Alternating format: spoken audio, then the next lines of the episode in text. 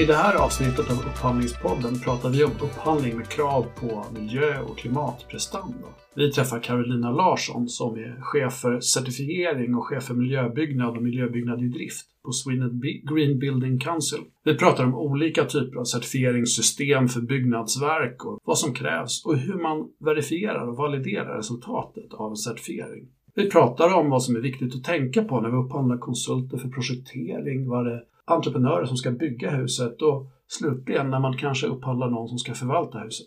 Nu kör vi! Hej och välkommen till Upphandlingspodden. Carolina Larsson från SGBC. Vem är du? Berätta. Ja, men eh, tack Jessica. Jag heter då Carolina Larsson och jag är avdelningschef för certifieringsverksamheten på Sweden Green Building Council som vi förkortar då SGBC. Så det är vårt populärnamn kan man säga, SGBC.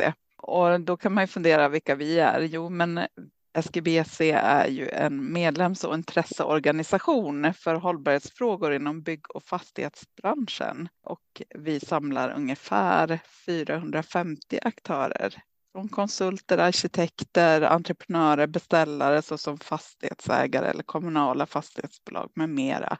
Så det är lite kort om vilka vi är och vem jag är. Vad gör organisationen? Ja, men vi, vi jobbar med flera ben kan man säga så. Vi jobbar med påverkansarbete, det vill säga att vi driver opinion och jobbar med politisk påverkan, framför allt att driva det här med hållbarhetsfrågorna så att, så att vi liksom jobba bättre med det i branschen. Sen jobbar vi också med kompetensutveckling, så vi har utbildning bland annat som en del, men också det här att vi samlar olika aktörer och nätverka i de här frågorna. Vi skapar liksom forum för erfarenhetsutbyte och kompetensutbyte mellan våra medlemmar. Så det är också en viktig del. Och sen har vi det här med, med verktygen då, som vi kallar dem för, eller medlen som man kan använda för, för, för sin förflyttning eller omställning. Och det är ju certifieringssystemen bland annat som vi jobbar med där. Men sen, sen ibland hamnar vi också i lite rådgivande roller och så där så att det kan se lite olika ut. Men certifieringssystemen brukar vi väl kalla för främsta verktyget för hållbar omställning. Tolkar jag det rätt då? Att man kan se certifiering som en eh, katalysator för sitt hållbarhetsutvecklingsarbete? Ja, ja, men det skulle man kunna kalla det för. Det är ett ganska bra ord, en katalysator. Ja. Man, man liksom bedömer ju en hållbarhetsprestanda på något, ett objekt och ett objekt kan ju vara flera saker. Det behöver ju inte bara vara en byggnad, även om det är det vi kanske är mest vana vid att, att prata om. Men det kan ju vara en stadsdel eller det kan vara en anläggning. Så att det, det ser lite olika ut beroende på vad man vill titta på helt enkelt. Mm. Innan vi frågar nu vad eh, certifiering innebär och vad det är för något. Mm. Hur hamnade du här? Ja, men eh, det är ju en jätteintressant fråga. Jag, eh, nej men jag är ju grunden energisystemingenjör, så att det var det jag läste för nästan 20 år sedan nu. Och sen så jobbade jag i många år som konsult under projektering då och eh, jobbade mycket med energisamordning i byggnader och så där eh, inför att byggnader skulle uppföras och så där. Och sen så hamnade jag faktiskt på Lokum eh, och jobbade med energifrågor där och då hamnade jag också med miljöcertifieringar och där man hade då tagit beslutet om miljöbyggnad som certifieringssystem. Och i och med att det var ett ganska nytt beslut så hamnade jag lite grann i rollen att ta fram processstöd och så där för organisationen och hur, hur man liksom skulle jobba med, med det systemet så att man faktiskt tog beslutet på allvar kan man säga. Och sen så har det liksom, jag har väl hoppat runt i lite fler roller så under åren, men, men framför allt fokus på hållbarhetsfrågor, klimatpåverkan och energifrågor framför allt skulle jag säga. Mm. Och sen hamnade jag här för ett och ett halvt år sedan ungefär. Ja. ja. Berätta, vad är en certifiering? Vilken typ av certifieringar jobbar ni med? Ja, men vi har ju massa olika certifieringar. Man kan ju säga, ibland så säger vi så här att vi har alla utom ett och det är Svanen eh, som vi inte har. Där, där är svensk miljömärkning som har det systemet. Men annars så de flesta system som man liksom känner igen om man har jobbat med sånt är det vi som tar hand om i Sverige. Framför allt byggnadscertifieringar, men sen har vi också certifieringar för stadsdelar och eh, anläggning. Men det stora är ju byggnadscertifieringarna skulle jag ändå våga påstå. Mm. Mm. Du säger stadsdel. Har du något exempel på en certifierad stadsdel? Det där låter ju spännande i större skala. Ja, men precis. Jo, men vi, vi har Campus Albano till exempel, Akademiska hus. Det är mm. ett, en stadsdel som, eller ett område då som man har certifierat. Och det, det, är ett system som vi tillsammans med näringsliv och akademi har utvecklat som heter Citylab. Och det är ett ganska nytt system så att det har inte funnits i jättemånga år men, men började liksom som ett forskningsprojekt och sen så nu så ha, har vi liksom landat i en ganska färdig produkt som är en certifiering för, för just planeringsprocessen kan man säga. Så att man får med sig alla delar i, i planeringen, hållbarhetsprogram och så vidare inför att man ska bygga ett område. Mm. Mm.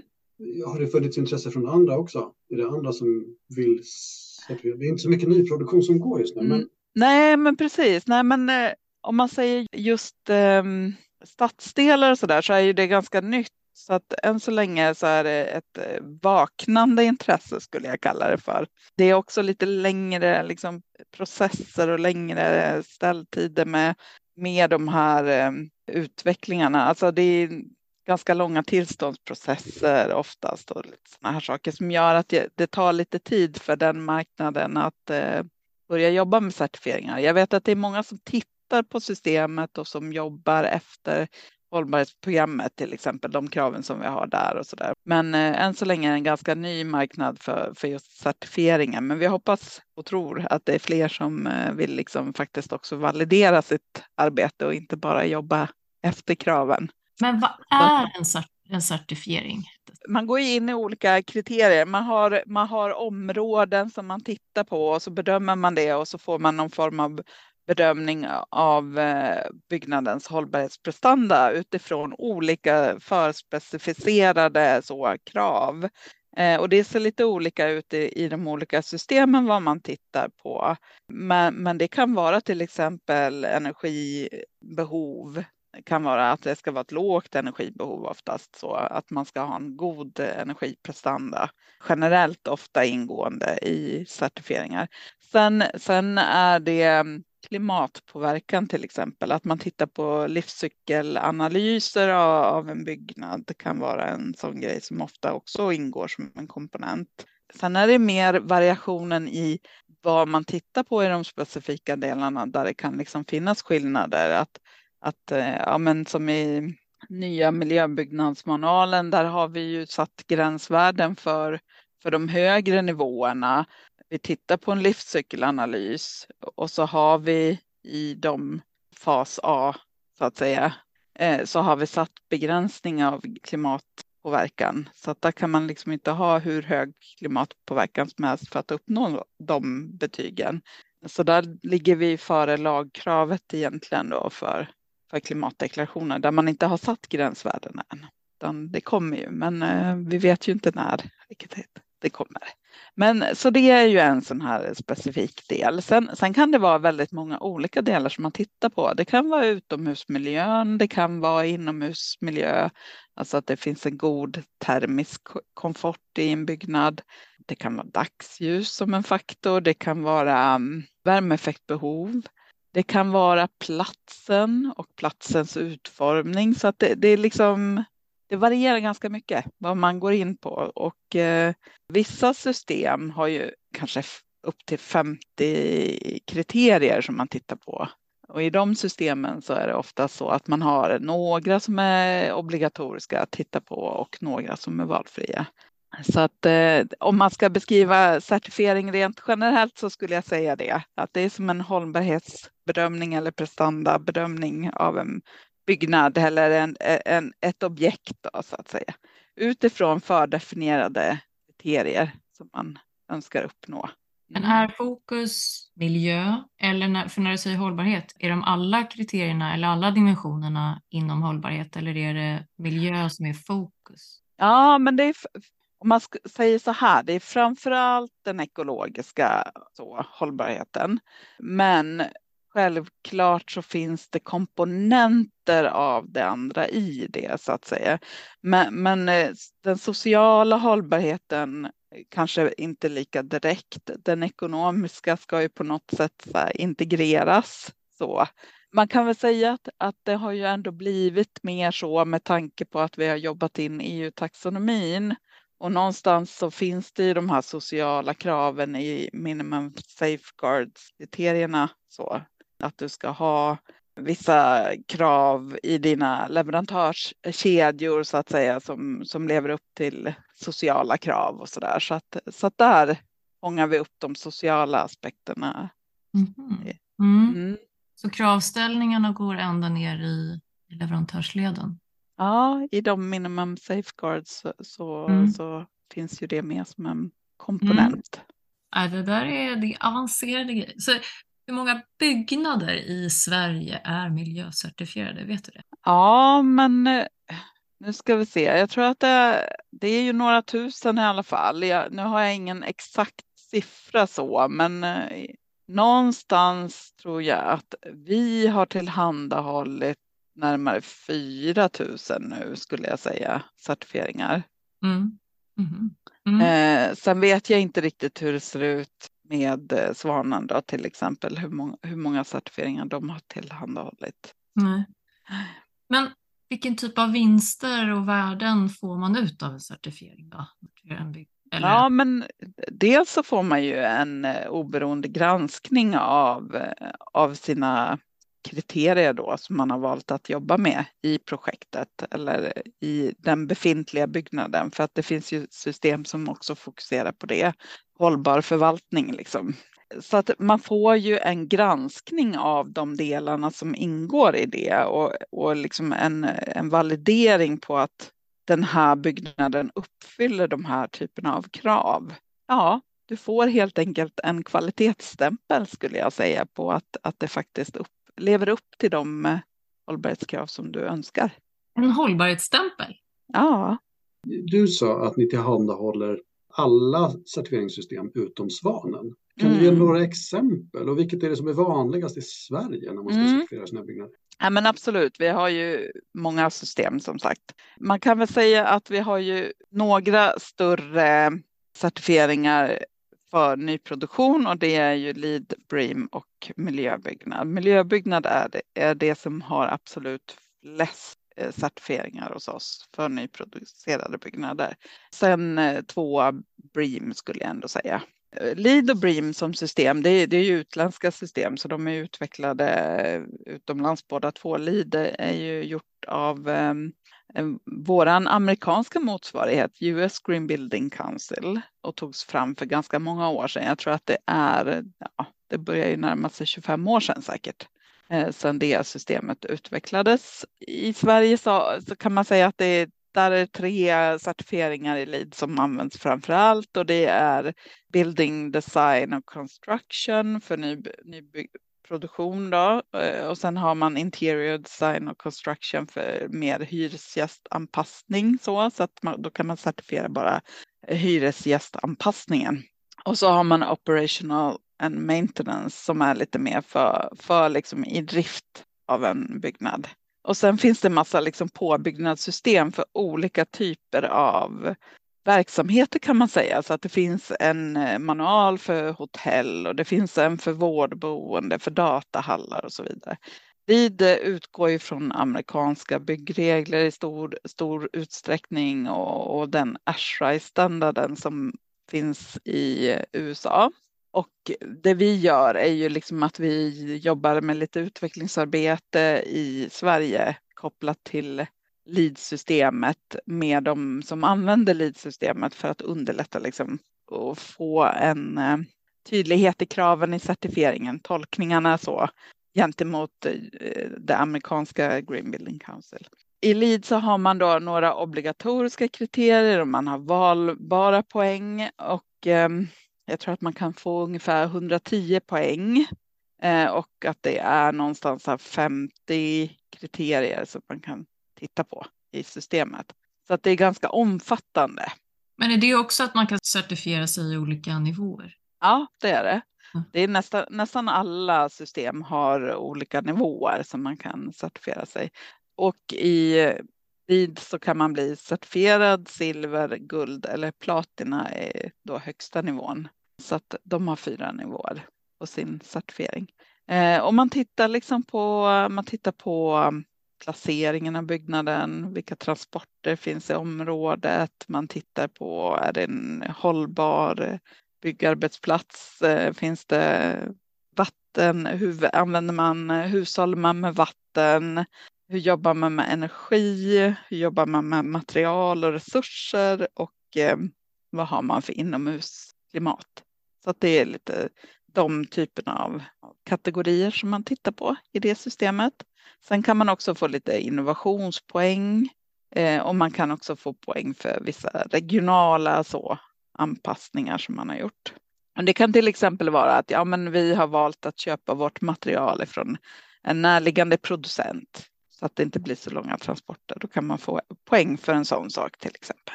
Sen har vi Bream då, det är ett brittiskt system och eh, det har vi då översatt och, och gjort svenska tillämpningar i en svensk manual som vi har utvecklat. Så vi är, vi är vad BRE då, som är, man kan väl säga att det nästan är som eh, brittiska RISE skulle jag då, om man ska översätta BRE. Det är de som eh, har tagit fram det här systemet också för ganska många år sedan. Det är väl också någonstans där 25, 25 år sedan man jobbar som på licens kan man nästan säga på, med deras system som en eh, nat eh, nationell operatör med deras system. Och där jobbar vi då med, eh, med den här nyproduktionsmanualen. Och den kan ju också användas för om och tillbyggnader. Så. Man tittar på nio områden. Det är också lite likt LID. Det är energi och det är materialval och det är vatten avfall, ledningsstyrning, föroreningar, hälsa och innemiljö bland annat och markanvändning. Så det är också ett väldigt brett system som tittar på många olika delar och det är då ungefär 50, nästan 60 tror jag indikatorer som man tittar på i en byggnad så som man kan välja att gå in i. Eh, några är obligatoriska, några är valfria så, så kan man bygga upp systemet lite som, som man har behov för. Och sen i det systemet då har man liksom en assessor som hjälper och granskar i projektet och är som en typ av revisor eh, och utför de här oberoende granskningarna. Och där granskar ju vi assessorns jobb då och säkerställer att man har en rätt kvalitet i sitt utförande så i de här projekten. Och de skickar in då sina dokument, granskade dokument och resultat och bevismaterial då för att man uppfyller de här kriterierna och om de har problem med tekniska tolkningar så kan de skicka in frågor till oss så hjälper vi till med de tekniska tolkningarna. Och sen har man oftast i BREAM-projekten en AP också som är en stöd stödperson kan man säga för projektet, alltså för de som är projekterande konsulter som hjälper till att liksom så här borde man projektera, så här, kan, så här kan man lösa den här frågan för att få ett bra betyg. Vad står um, AP för? Advisor Professional. Hur hittar man en sån? Om vi ska ja. upphandla någon, Vem, ja. hur hittar man en sån? Är det hos er? Eller ja, men det finns hos oss. Ja. ja, och vi har ju listor på alla som är assessorer och APS. Eh, så det går ju att, kolla på vår hemsida så får man ju information om vilka som har det och det är ju också en licens så att man behöver liksom hålla sig ajour och liksom hålla sig utbildad för att bibehålla den här licensen. Så att uppdaterad information har vi alltid på vår hemsida kopplat till vilka som är assessorer och, och APs så att där kan man alltid kika. I din hemvist, är det en miljöbyggnad då? Ja, men miljöbyggnad är ju det som jag har jobbat framförallt mest med så genom åren. Så att det, det systemet kan jag mycket, mycket bättre.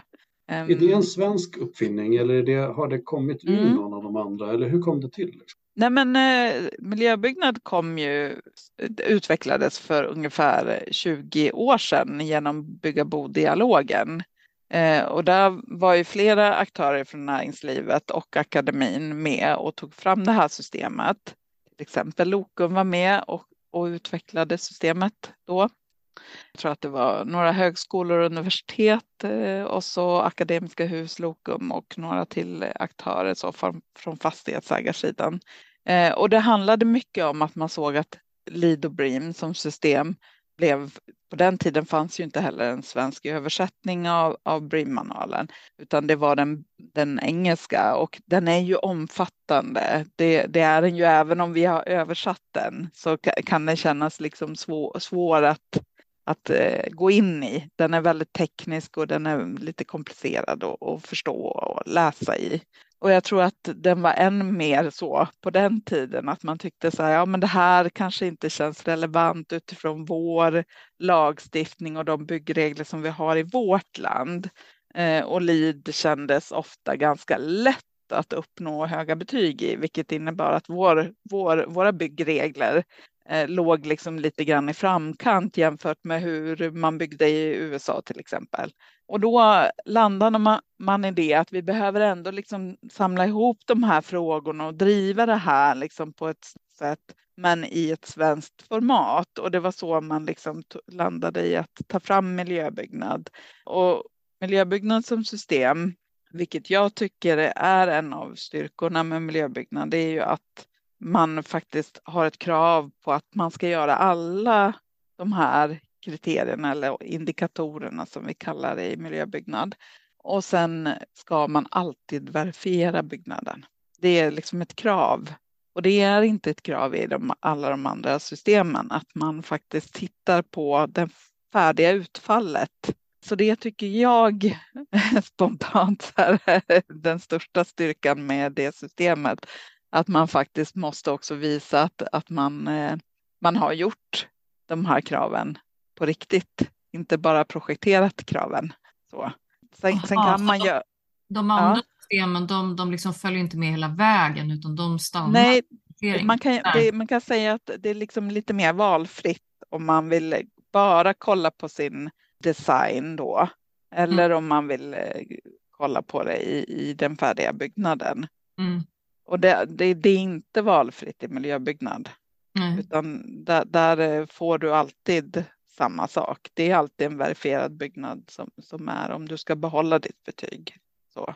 Hur följer det med sen då i användarfasen och förvaltningsfasen? Eh, Måste, Mm. man, eh, måste man göra revisioner eller hur? Ja, men vi, vi har återrapportering i generationerna, liksom som de tidigare generationerna. Men vi tittar också på liksom en utveckling framåt där vi ser att, att det blir mer aktuellt att man, att man liksom har en begränsning i antal återrapporteringar. Att man ska liksom inte kunna vara för evigt certifierad så. Vi har inte tagit alla besluten i de processerna än, men jag tror att det där är någon ändring som kommer framåt, att, att man eh, kommer ha eh, ett slutdatum för sin certifiering, så att säga, där man behöver liksom titta på prestandan igen och bedöma den. Så att eh, det kommer komma förändringar, men eh, de, är, de är inte beslutade idag, så skulle jag säga. Och vilka nivåer fanns det i miljöbyggnad? Silver och guld? Ja, men där har vi då brons, silver och guld. Så det är tre nivåer som, som man utgår ifrån i miljöbyggnad. Och man börjar med att eh, titta på en preliminär certifiering. Så, och det utgår ifrån eh, det här, alltså projekteringen. Så att där tittar man ju på den designfasen av en byggnad och hur har man projekterat? Har man projekterat rätt? Och så får man en bedömning, en granskning då på, på underlaget som skickas in. Eh, och sen ska man ju självklart också då utföra korrekt. Och när man sen har utfört byggnaden så ska den verifieras med, med hjälp av uppmätta värden så att man faktiskt ser att utfallet blev det som man sa under sin projektering. Och där är, har det ju hänt vid några tillfällen att vi faktiskt har fått ändra betyg för att man lever inte upp till energikrav till exempel som man har sagt att man vill göra. Eh, och det, då tycker jag liksom att systemet uppfyller sitt syfte i stor utsträckning. För att det är ju ett av syftena är att hitta de här grejerna där man faktiskt inte riktigt nådde hela vägen fram. Och jag tänker som en fastighetsägare så är det också ett bra sätt att, att eh, någonstans eh, använda sig av den kravställan vid sin garanti. Då, garantiåtaganden och så vidare så, så att man har liksom det med sig i, i sin kravställan. Och det finns det, ni är ju experter på det här med hur man upp, utformar en upphandling, tänker jag. Mm. Men, men jag menar, kan man ha med sig en tydlig kravbild att vår förväntan är det här, liksom så, det är den här produkten vi ska köpa som har de här kvaliteterna och man ser att kvaliteten inte lever upp till det som man har överenskommit så, så tänker jag att det blir ganska tydligt att man kan driva ärenden. Mm. Finns det motsvarande typ av, av liksom stöd eller styrfunktioner under projekteringens gång och kanske under byggproduktionens gång också? Då? Kan man hitta från er människor som kan hjälpa till att säkerställa att vi går mot en certifiering?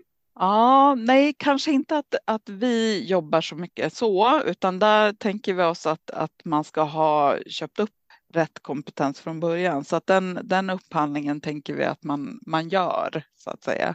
Men, men däremot så kan man ju läsa i manualen och där står det ju väldigt mycket kring vilka krav som gäller i olika skeden så att säga och vad man behöver jobba med. Så att där tycker jag ändå att det är tydligt. Till exempel fukt är ju en parameter som vi jobbar ganska mycket med i det systemet eh, och säkerställa att man har rätt fuktkrav och rätt fuktkompetens med sig och, och liksom ha det genom hela kedjan. Så att det är ju ofta en viktig del. jag menar någonstans så tänker jag att många fastighetsägare har ju liksom redan listat ut den, att, att det är bra att ha fuktkompetens med sig i, i liksom hela värdekedjan. Men, men eh, i våra manualer så har vi ändå tydliggjort det här för att det finns fortfarande fall där man liksom inte gör det och där man kanske inte har med sig de kraven från beställningen. Det, det, finns alltså tydliga kravställningar. Om, man då i ett tidigt skede väljer så, ja men nu ska vi göra en miljöbyggnad silver av den här mm, skolan mm. eller vad det nu är. Eh, så finns det kravställningar med i, den, i, det, i det ramverket liksom, som ja, man skjuter in i upphandlingen när man handlar upp sina projektörer och så vidare. Mm. Är det så? så att de olika ja men det, det gör det.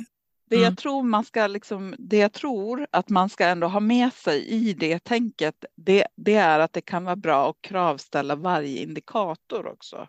Vad vill jag ha för nivå på varje indikator? För att när du, när du jobbar med miljöbyggnad så kan det vara så att ja, men för att uppnå byggnadens betyg behöver du inte ha guld på varenda indikator så om du, du liksom har det som en plan. Jag ska ha guld på den här byggnaden, utan du kan du har lite spelmån på de olika indikatorerna, för de aggregeras upp sen till byggnadsbetyget, vilket gör att ja, du klarar av att ha silver på någon indikator.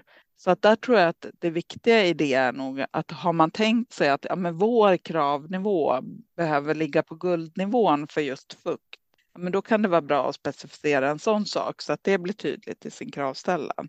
Att vi, vi, vi vill ha guld på just den här indikatorn. Mm. Så där tror jag ibland att man missar. Och, och, jag tror att det kan ha hänt säkert situationer där man som beställare har tänkt sig att okej, okay, jag, jag vill köpa en produkt som har guld på byggnaden och så, och så har man inte kravställt vilka av delarna man helst vill ha guld på. Så mm. um, det kan jag tänka mig att det har inträffat. Mm. Jag fråga, det känns som det är väldigt applicerbart på nyproduktion, men Mm. Visst kan man se till att certifiera även ombyggnader eller mm. av befintliga hus?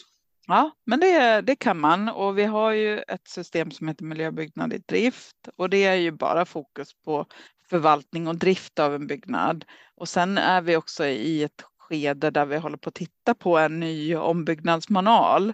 Just nu så har man möjlighet att gå in i, i generation 3 som vi kallar den för i miljöbyggnad och jobba med ombyggnation där.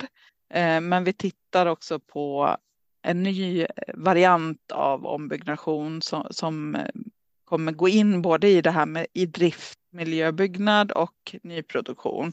Men vi försöker hitta en modell som blir lite mer flexibel utifrån verksamhetens behov av ombyggnation och renovering.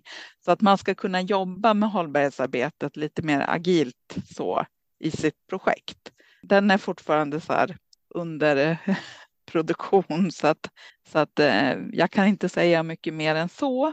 Men eh, i drift är i alla fall ett, ett system för, för en byggnad som förvaltas. Och där tittar man ju också på byggnadens olika egenskaper och man tittar på Ja, men man tittar på flera områden. Man tittar på resurser, man tittar på inomhusmiljö, man tittar på skick trycket, klimatpåverkan och utomhusmiljön.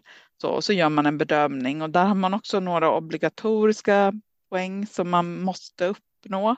Det är minst då 20 poäng. Och sen så för att få silver behöver man få 50 poäng och 80 för att få guld och totalt finns det 100 poäng i systemet.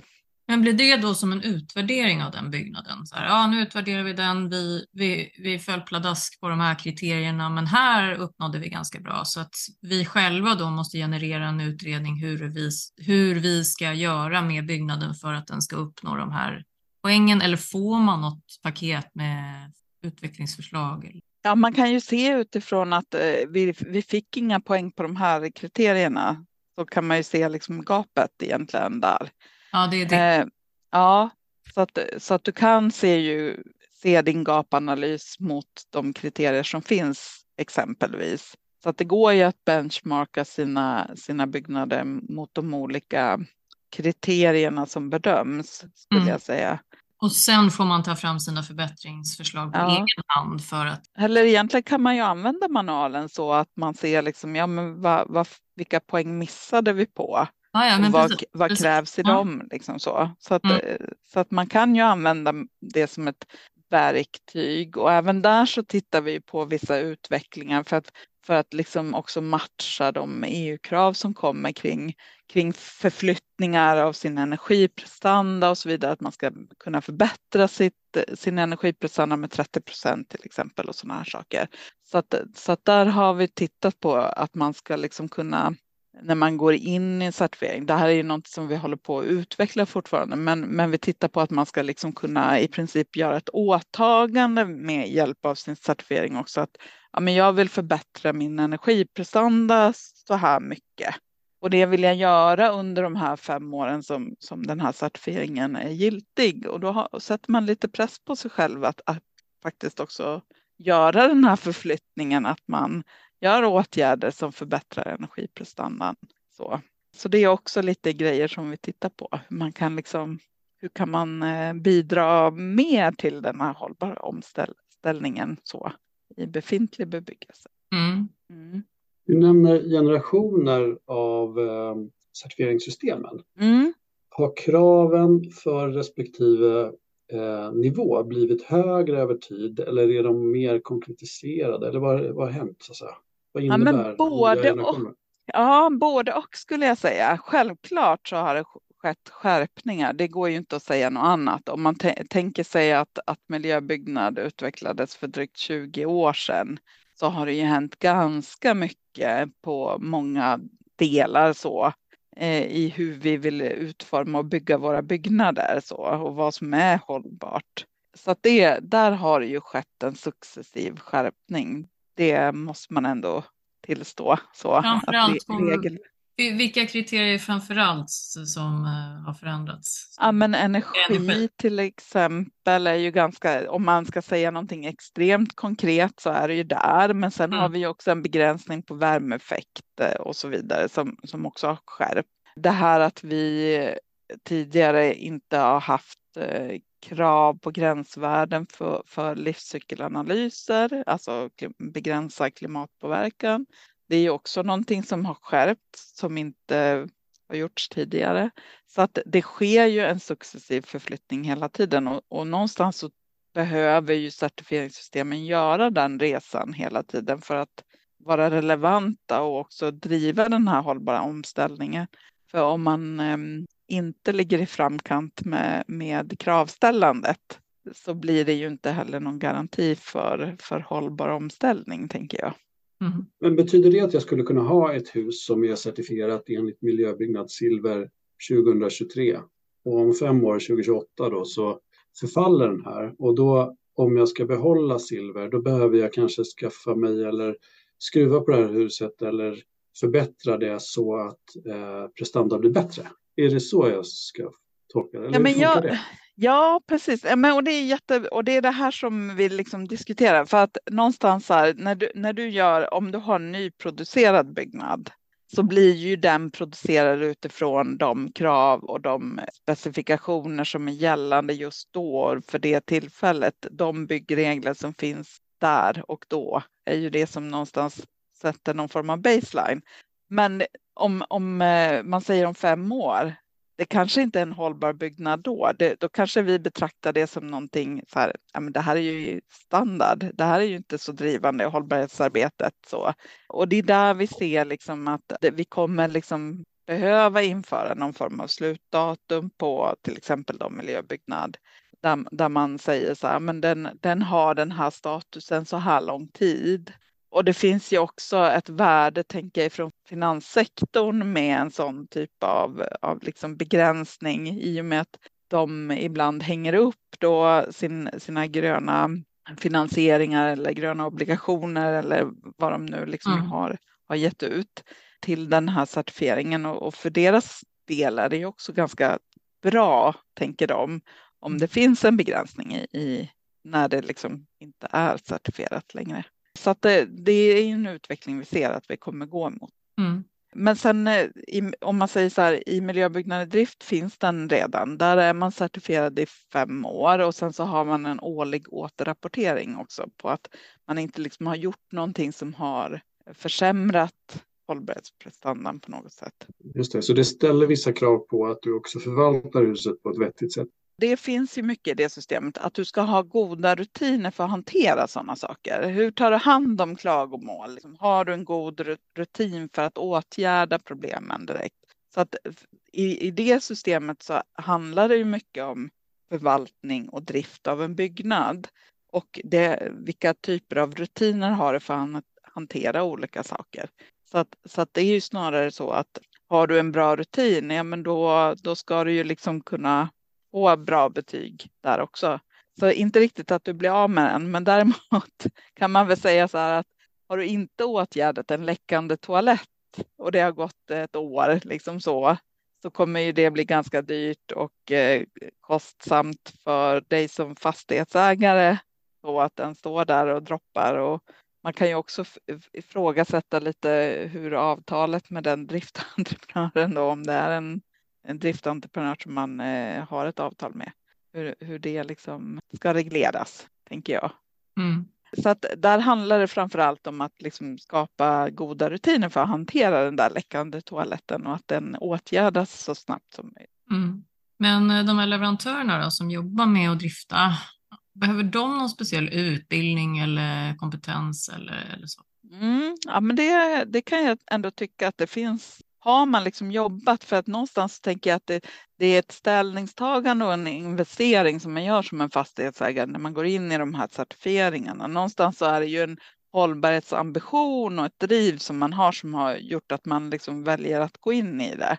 Eh, och då tänker jag ändå att det är ganska viktigt att man liksom får med sig det i sin kravställan för de som ska liksom förvalta och drifta en byggnad. Så att, så att den känns ju väldigt relevant, att man säkerställer att man får god liksom, utbildning i det här systemet så att man förstår hur det systemet fungerar till exempel kan ju vara ett, ett relevant krav. Men också det här liksom att hur rapporterar man eh, så att man ser till att upprätthålla prestandan och, och kontrollerar de olika parametrarna. Att man liksom har någon form av god rutin för det tycker jag också. Och sen också det här med att man uppdaterar och förbättrar saker och liksom är beredd att göra de här uppdateringarna så att det finns med i, i avtalet att man liksom säkerställer att nivån bibehålls eller förbättras. Så. Mm. Så, att det, så det tycker jag definitivt att man kan jobba med i sin kravställan mot dem. Mm. Mm. Och, och, för att göra själva certifieringen då, skickar man in liksom ett, ett, paket till er eller har ni en revisor för att komma, som kommer ut och, och tittar på prestanda? Eller hur funkar det? Ja, men det ser lite olika ut. Jag menar, när du säger så där så, så tänker jag osökt på, på säkerhetsklassade objekt. Ibland hamnar vi i, i de lägena och då gör vi granskningar på plats oftast skulle jag säga för att då, det är oftast material som vi liksom inte vill, vill ha själva, så som det handlar om i de lägena. Och då gör vi en granskning ute hos, hos eh, medlemmen eller kunden då som certifierar sig. Sen, sen eh, de allra flesta är ju inte de typerna av projekt och då, då får ju vi material. Vi har, vi har liksom en portal som man använder där man kan följa sin process och där man kan ladda upp dokument som man ska bedömas på. Och de tittar då våra granskare på helt enkelt och gör en bedömning utifrån. Och när jag menar våra granskare så är det liksom, det är inte granskare som är anställda av oss, utan vi använder ju liksom en tredje part så att säga. Så att, så att det är också bra att ha med sig det, att det är en extern part så, som vi som vi anlitar för granskningen som tittar på objekten och som har liksom en, en djup teknisk kompetens och kunna bedöma just de här indikatorerna. Och där jobbar vi ju väldigt mycket med att säkerställa liksom att man har rätt kompetens och att man också i de här granskargrupperna liksom får eh, kan utbyta erfarenheter och också liksom får kunskapen att göra ganska likvärdiga bedömningar. För det är självklart en, en sån här risk som finns i vår typ av verksamhet att, att när man har olika personer som är inne så kan man liksom göra en, olika tolkningar. Så att där jobbar vi mycket med att säkerställa att tolkningarna blir så pass likriktade så, så att processen blir så lik som möjligt för, för alla som är inne i certifieringarna. Mm. Mm. Ja, det är ju faktiskt viktigt. Mm. Mm. Eh, jag tänker koppla till klimatanpassningar. Då. Hur, mm. hur jobbar man med, med sånt? Ja, nej, men vi har faktiskt till och med ett, ett eget system som är bara dedikerat till klimatanpassningar kan man säga. Det, det är ett system som heter noll CO2 och där tittar man fram, framför allt helt och hållet på, på byggnadens CO2-utsläpp och man försöker hitta balansen där, koldioxidbalans i projektet. Så man kan säga att modellen är att man balanserar den inbyggda klimatpåverkan och energi och vattenanvändningens klimatpåverkan då för, för den här fysiska systemgränsen som byggnaden har med, med olika åtgärder. Och då kan det vara liksom att man har en förnybar energi så i, som man producerar lokalt till exempel, eller någon annan typ av åtgärd för att, för att balansera upp det här utsläppet. För det är ju svårt att bygga någonting helt utan något form av klimatpåverkande utsläpp. Så. Eh, men, men då försöker man liksom kompensera, kompensera det där utsläppet som, som finns. Först så begränsar man mängden utsläpp som man får göra ifrån byggnaden och sen så det, det som är kvar på slutet försöker man balansera upp då tittar man på hela livscykeln. Så att det är egentligen från utvinning av råvara till sluthantering av byggnad. Och eh, 50 års perspektiv då på den livscykelanalysen. Så det är ett system som vi har. Och eh, det, det, kräver ganska mycket det systemet ska jag säga, för det är, inte, det är inte alla som går in och jobbar med det här, utan det är ett liksom lite, lite spetsigare, lite mer krävande system som, som vi erbjuder marknaden. Eh, men vi ser ändå att det är fler och fler som ger sig i kast med de här projekten, vilket är ju jättekul. Att det är fler som eh, faktiskt vill utmana sig själv lite i, i det här systemet. Men eh, annars så är ju klimatpåverkan en stor del av, av de olika systemen så att man jobbar ju med det på, i nästan, nästan samtliga av våra system. Så har man med sig klimatpåverkan som en del. Har ni metodik för, för liksom standardsätt att mäta eller att göra en livscykelanalys? Finns det med i systemet eller finns det ja. standardiserade mätmetoder eller Nej, men eh, just i det systemet så finns det ju en metodik. Så att det finns en metod kopplat till det och den finns ju beskriven i manualen. Sen vet vi ju att det finns ett problem generellt i branschen, att det finns väldigt många olika metoder, beräkningsmetodiker för vad man tittar på när man pratar om en livscykelanalys. Så att där finns det fortfarande en omognad hos branschen skulle jag säga. Vi har ju försökt att börja tillsammans med några andra aktörer att titta på det här. Liksom hur kan vi få lite mer gemensamma metoder, lite mer gemensamma synsätt och det kan till exempel vara hur ska vi värdera energi? Så. Ska vi titta på svensk energimix eller ska vi titta på nordisk eller ska vi titta på en europeisk? Och där, beroende på var man drar sina systemgränser där så blir det ju ganska olika utfall. Så, så det är ju sådana här frågor som, som branschen brottas lite med. Och där försöker vi liksom samla eh, alla och prata om det här. Men hur kan vi få en bättre samsyn när det finns så må många olika initiativ som, som tittar på saker på lite olika sätt. Så att det, det är någonting vi försöker med, men jag tror att det är liksom också en process innan man liksom får en konsensus i, i branschen kopplat till de här frågorna. Om vi återvänder till upphandlingsspåret då, så är det ju så, mm. du har ju pratat och nämnt att det är viktigt att man får med sig, eh, eller i alla fall premierar de som har rutiner och processer för att vara omsorgsfulla i sin förvaltning. Det låter ju mm. så. Det låter, men det låter generellt som en sån, eh, eller säga, vad som skiljer god eller mindre god kvalitet i fastighetsförvaltningen om man pratar tekniskt. Mm. Eh, och så nämnde du också konsulterna, mm. eh, projekterande konsulter. Att, men har ni, utbildar ni konsulter också då? Som ja. Så man förstår Nej, det... systematik eller aspekt eh, eller kriteriebiblioteken om du förstår vad jag menar. Mm. Mm. Nej, men vi har ju utbildningar i alla våra system och på liksom olika nivåer också. Vi har, vi har utbildningar som är lite mer övergripande så, så att man får mer en bild över hela systemet. Men sen har vi också eh, lite mer djupgående utbildningar där man liksom verkligen grottar ner sig i alla kriterier och eh, får en liksom väldigt djup teknisk förståelse för vad som krävs. Så att vi har, vi har på olika nivåer och jag skulle säga att det är en övervägande del konsulter som går utbildningarna.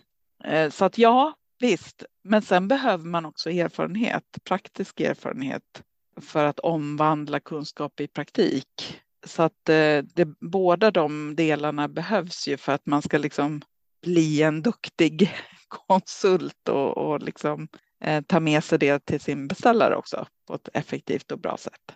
Mm. Men, det, men det finns inga sådana automatiska eh, upphandlingskrav på min konsultgrupp. Jag kan inte kräva av arkitekten att den personen ska ha ritat eh, eller ska ha en, en de har, det finns ingen certifiering i miljöbyggnad för arkitektskrået. Liksom. För miljöbyggnad, ja alltså man kan ju bli certifierad miljöbyggnadssamordnare.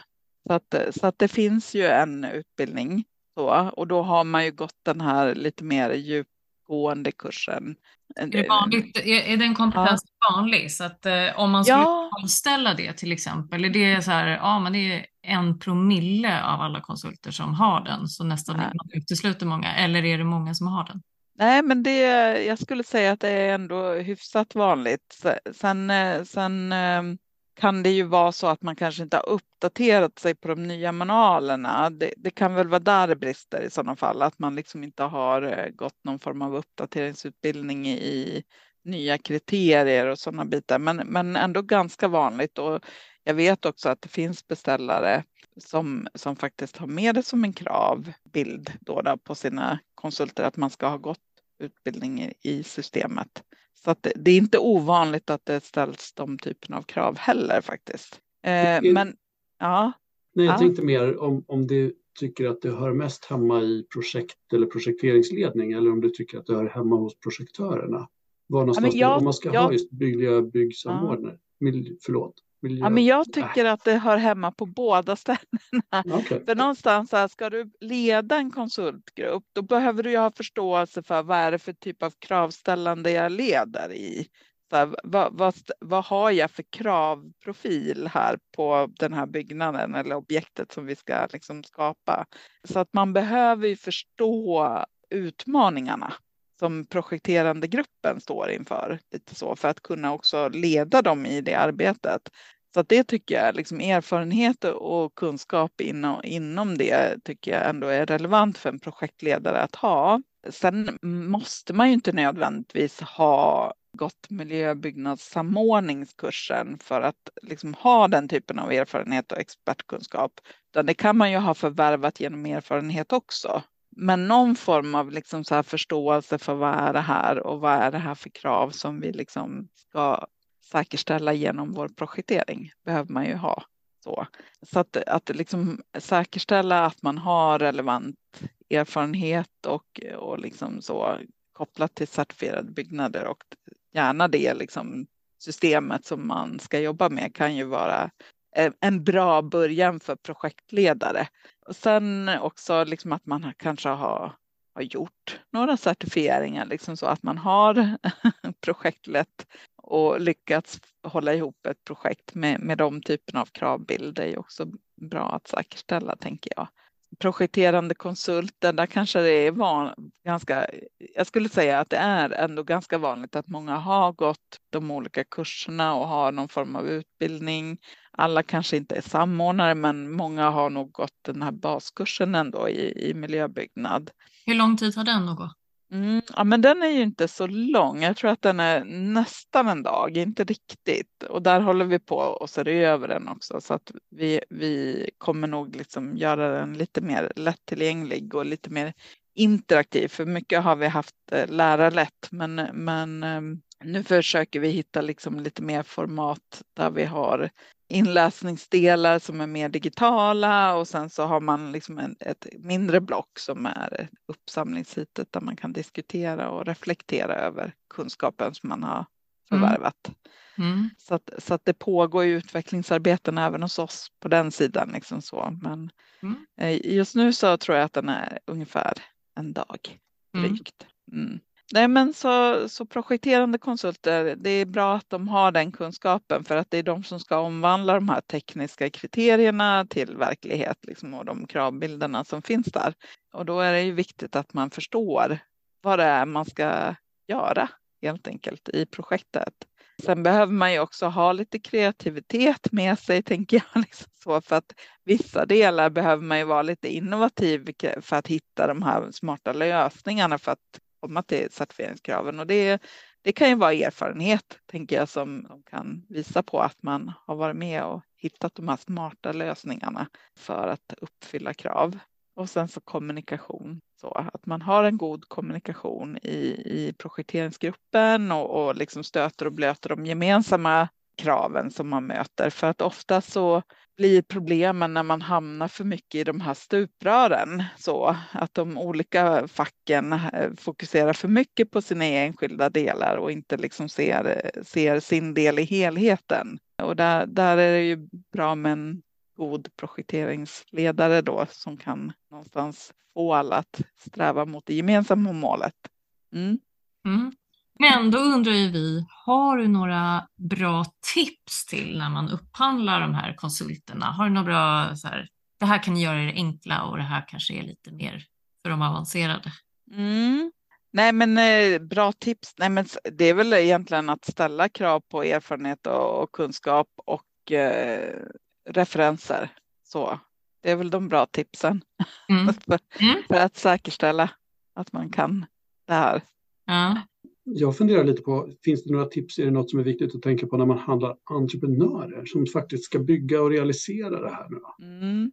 Har du tänkt någonting om det? Ja, men det är ju egentligen ganska likt för att man behöver ju ha erfarenhet och kunskap med sig där också. För, för även om ehm, jag tänker ändå att man ska ju omvandla de ritade kraven till verklighet.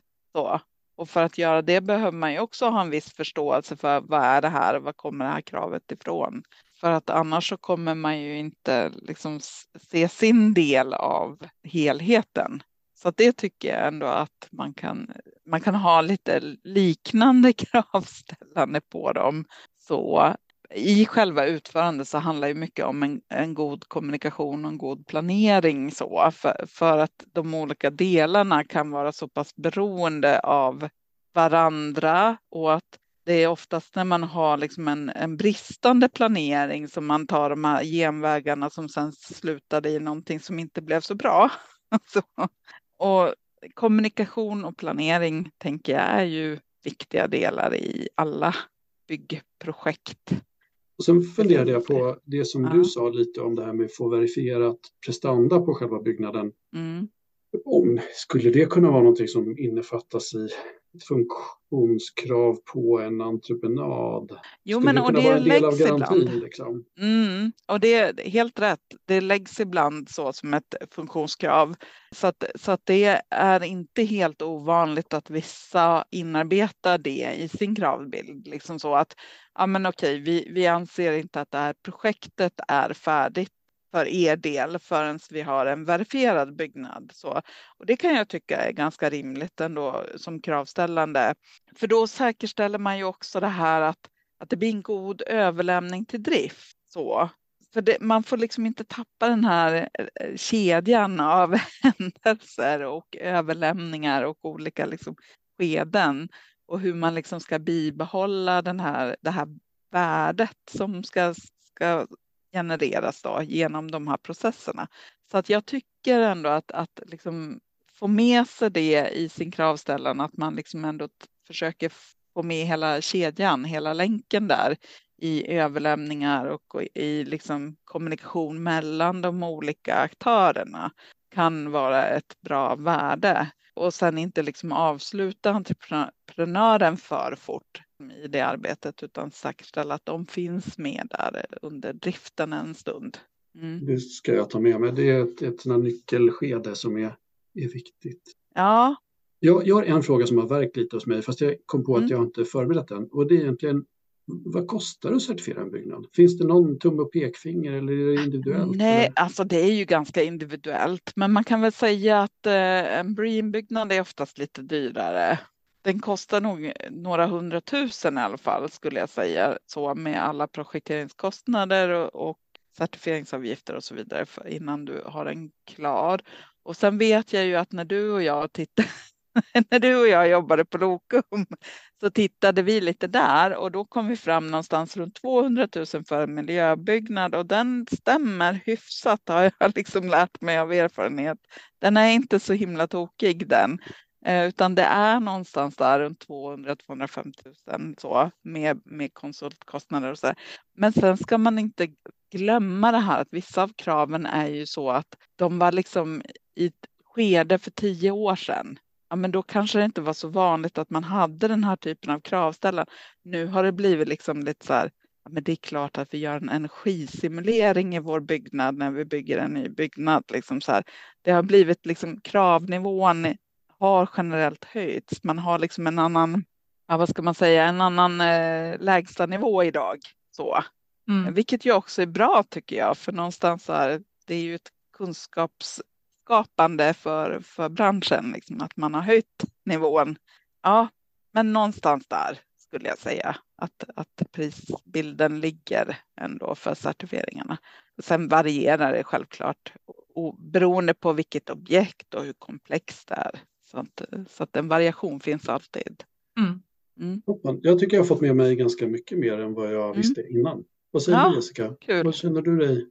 Ja, nej, men alltså det här är ju ett område som dels är viktigt och det kommer ju mer och mer utifrån de nya kraven också som kommer från EU här nu på hållbarhetsredovisning och så där, så är det ett bra steg på vägen. Jag menar, det, den redovisningen handlar ju mycket om att man, man ska visa att man aktivt jobbar med sitt hållbarhetsarbete så att man inte tappar bort liksom den aktiva delen, att man mm. utvecklar hela tiden. Och det här känns ju som, eh, ja men lite som jag nämnde tidigare, eller som vi kom överens om att det kanske är då en katalysator för sitt hållbarhetsutvecklingsarbete. Och det är mm. ju jätteroligt. Och jag har fått jättemycket detaljer som jag inte visste innan. Jätteintressant, verkligen.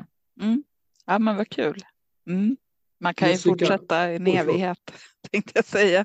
Ja. ja. Jättestort tack Carolina. Vad kul ja. att få höra mer om miljöbyggnad och de andra certifieringssystemen. Mm. Ja, men tack. Jättekul att få vara här. Ja, vad kul att ha dig här. Och, och jag måste också säga det här, eh, du, du förklarade de här systemen väldigt bra så att man förstår vad det är, var de kommer ifrån och eh, lite skillnaderna. Och det var faktiskt eh, bra, jättebra. Mycket mm. bra information. Kul. Utöver allt annat. Mm. det vill säga. Tack! Ja, ja men tack. Ha det bra. Hej då. Hej då. Tack för att du lyssnat.